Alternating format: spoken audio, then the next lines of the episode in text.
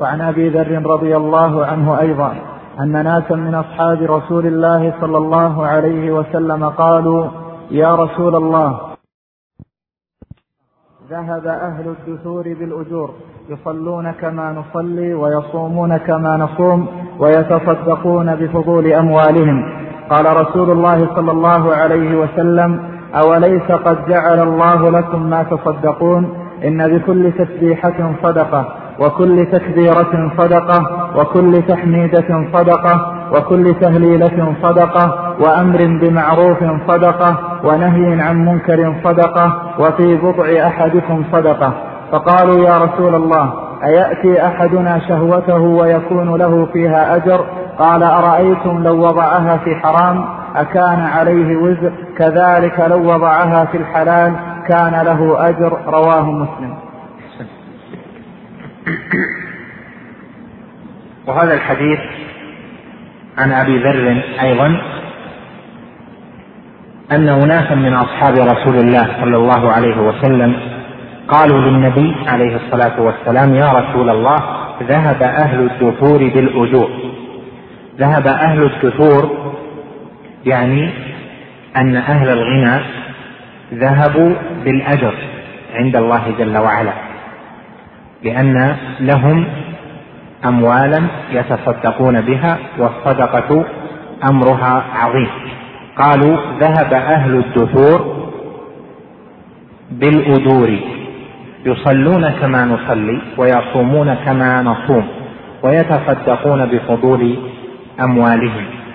يعني أن الله جل وعلا ميزهم بأنهم يتصدقون فيصلون كما نصلي ويصومون كما نصوم لكن تميزوا عنا بالصدقة.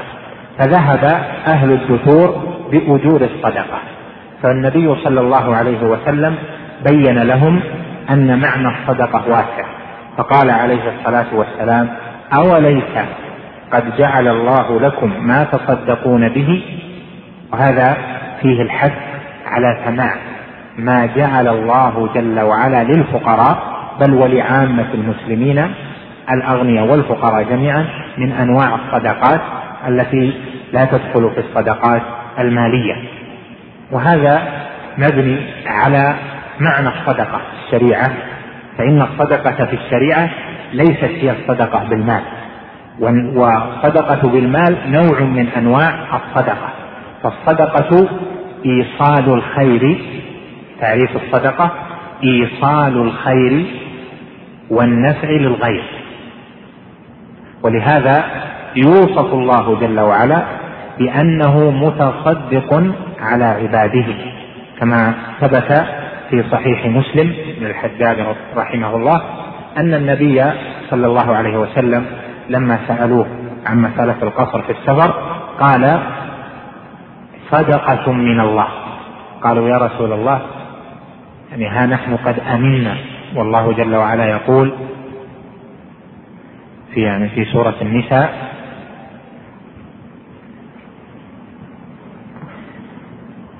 فليس عليكم جناح أن تقصروا من الصلاة إن خفتم أن يفتنكم الذين كفروا. وقد أمنا فقال عليه الصلاة والسلام صدقة من الله عليكم فاقبلوا صدقته. فالله جل وعلا يتصدق على عباده بمعنى يوصل الخير وما ينفعهم لهم. فالصدقة إيصال الخير للغير.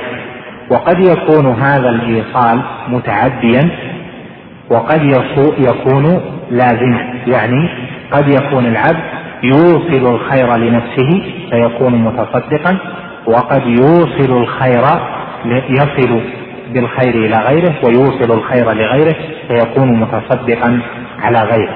فالصدقة معناها في الشريعة عام ومنها الصدقة بالمال فإنها إيصال الخير والنفع للغير قال عليه الصلاة والسلام أوليس قد جعل الله لكم ما تصدقون؟ لأن معنى الصدقة عام. إن بكل تسبيحة صدقة وكل تكبيرة صدقة وكل تحميدة صدقة وكل تهليلة صدقة. مثل عليه الصلاة والسلام بهذه الأربع لأمرين؟ الأول أنها من أنواع الذكر اللساني. فمثل بها على أنواع الذكر الأخرى؟ لأن هذه أفضل الذكر. كما ثبت في الصحيح أنه عليه الصلاة والسلام قال أحب الكلام إلى الله أربع. سبحان الله والحمد لله ولا إله إلا الله والله أكبر. فهذه الأربع هي أحب الكلام إلى الله فهي أعظم ما تتقرب به إلى الله جل وعلا من الذكر وتتصدق به على نفسك. فقال إن بكل تسبيحة صدقة لأن فيها الأجر العظيم فتصل بالتسبيحه تصل بالتسبيحه نفسك بأنواع الخير والأجر كذلك التحميد والتهليل والتكبير. ثم انتقل عليه الصلاة والسلام إلى نوع من الصدقة متعد فقال وأمر بمعروف صدقة ونهي عن منكر صدقة. هذا تمثيل لأنواع الصدقات التي فيها التعدي النفع. فذكر الأمر بالمعروف والمعروف هو ما علم حسنه والأمر به في الشريعة. فما عرف في الشريعة حسنه فهو معروف والمنكر ضده ما عرف في الشريعة سوءه ونكارته. فمن أمر بما عرف في الشريعة حسنه فقد أمر بالمعروف وأعلاه التوحيد ومن نهى عن المنكر وهو ما أنكر في الشريعة وأعلاه الشرك بالله جل وعلا فقد نهى عن المنكر. فاذا كل أمر بمعروف صدقة لك وكل نهي عن المنكر صدقة. وتعليم العلم يدخل في ذلك فهو من أنواع الصدقات. فمن لازم العلم تعلما وتعليما فإنه يتصدق في كل لحظة تمر عليه على نفسه وكذلك على غيره. ولهذا أهل العلم أعظم الناس أجورا إن صلحت نياتهم. قال وفي بضع أحدكم صدقة. البضع المراد به في اللغة بعض الشيء. لأن البضع والبعض فيها قلب. باء ضاء ع وباء ع ضاء يعني البعض والبضع مقلوبة. هذه عن الأخرى. فمعنى البضع البعض. ولكنهم كنوا به أو كنوا به عن بعض ابن آدم وهو فرجه. وهذا من شريف الكلام. حيث يذكر ما يستحيا عن ذكره ولا يحسن ذكره بكلمات تدل عليه ولا يكون لها وقع ينافي الأدب في السمع. قال عليه الصلاة والسلام وفي بضع أحدكم صدقة. يعني في ما يأتيه المرء بفرجه وهو ذكر الرجل صدقة. فاستغربوا قالوا يا رسول الله أيأتي أحدنا شهوته ويكون له فيها أجر؟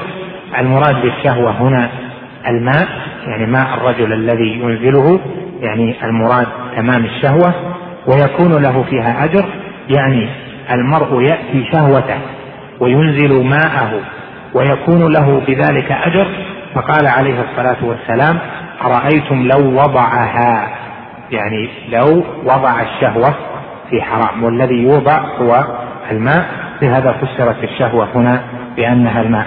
قال أرأيتم لو وضعها في حرام؟ وهذا يسمى استدلال العكس أو قياس العكس.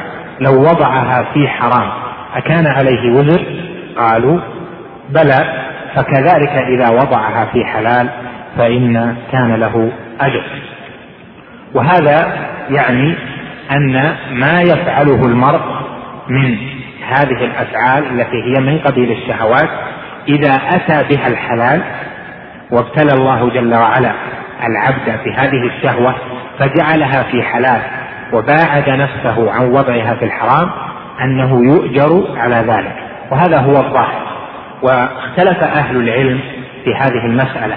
هل يؤجر بإتيانه الحلال بلا نية أم يؤجر بإتيانه الحلال بنية.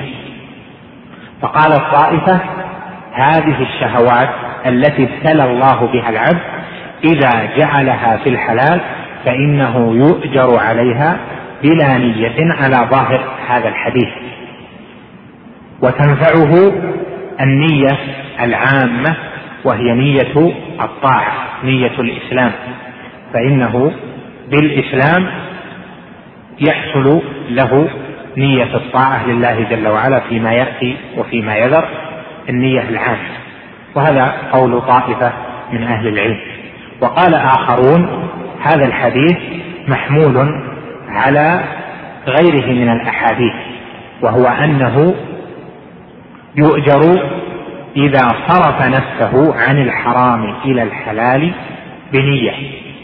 فإذا صرف نفسه عن مواقعة الزنا إلى مواقعة الحلال بنية فإنه يؤجر على ذلك لأن الأحاديث الأخر والقواعد العامة وكذلك بعض الآيات تدل على أنه إنما يؤجر على ما يبتغى به وجه الله جل وعلا. وقد ثبت في الصحيح أن النبي صلى الله عليه وسلم قال إنك لن تنفق نفقة. تبتغي بها وجه الله إلا أجرت عليها. وأيضا في آية النساء قال جل وعلا لا خير في كثير من نجواهم إلا من أمر بصدقة أو معروف أو إصلاح بين الناس. ومن يفعل ذلك ابتغاء مرضات الله فسوف نؤتيه أجرا عظيما. فدل في الآية على اشتراط ابتغاء مرضات الله ودل في الحديث أيضا على أن النفقة إذا ابتغي بها وجه الله فإنه يؤجر عليها العبد.